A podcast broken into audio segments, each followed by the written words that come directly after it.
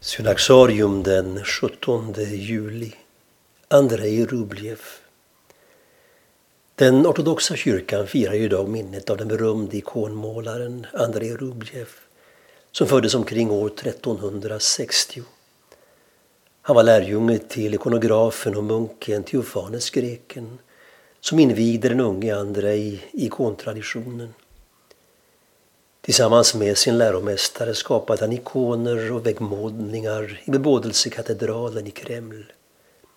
Rublier själv munkvigdes någon gång mellan åren 1385 och 1405.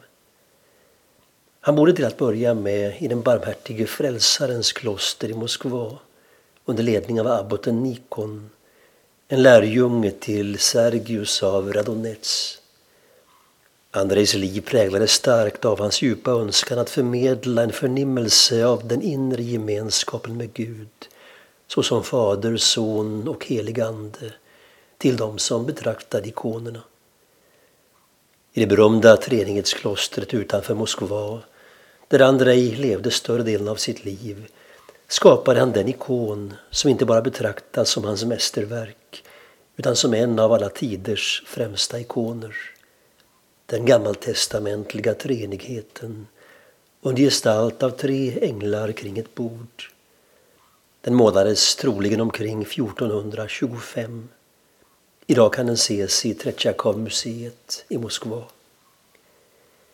Inspirerad av den scen i Bibeln där Abraham erbjuder sin gästfrihet åt Herrens tre änglar uttrycker Andrei Rubljev kärleken som strömmar mellan de tre gudomliga personerna i den cirkelrörelse som änglarnas ansikten formar. Genom sin ikon påminner Rubljev alla som betraktar treenigheten om att varje människa är kallad att vara en del av detta mysterium i enlighet med Jesu ord.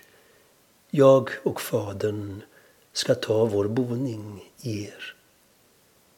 Andrei Rubljev dog 1427. Vid ett kyrkomöte 1551 förklarades treenighetsikonen som en modell för varje ortodox ikon. En uppmärksammad film om Rubljev har gjorts av regissören Andrei Tarkovsky.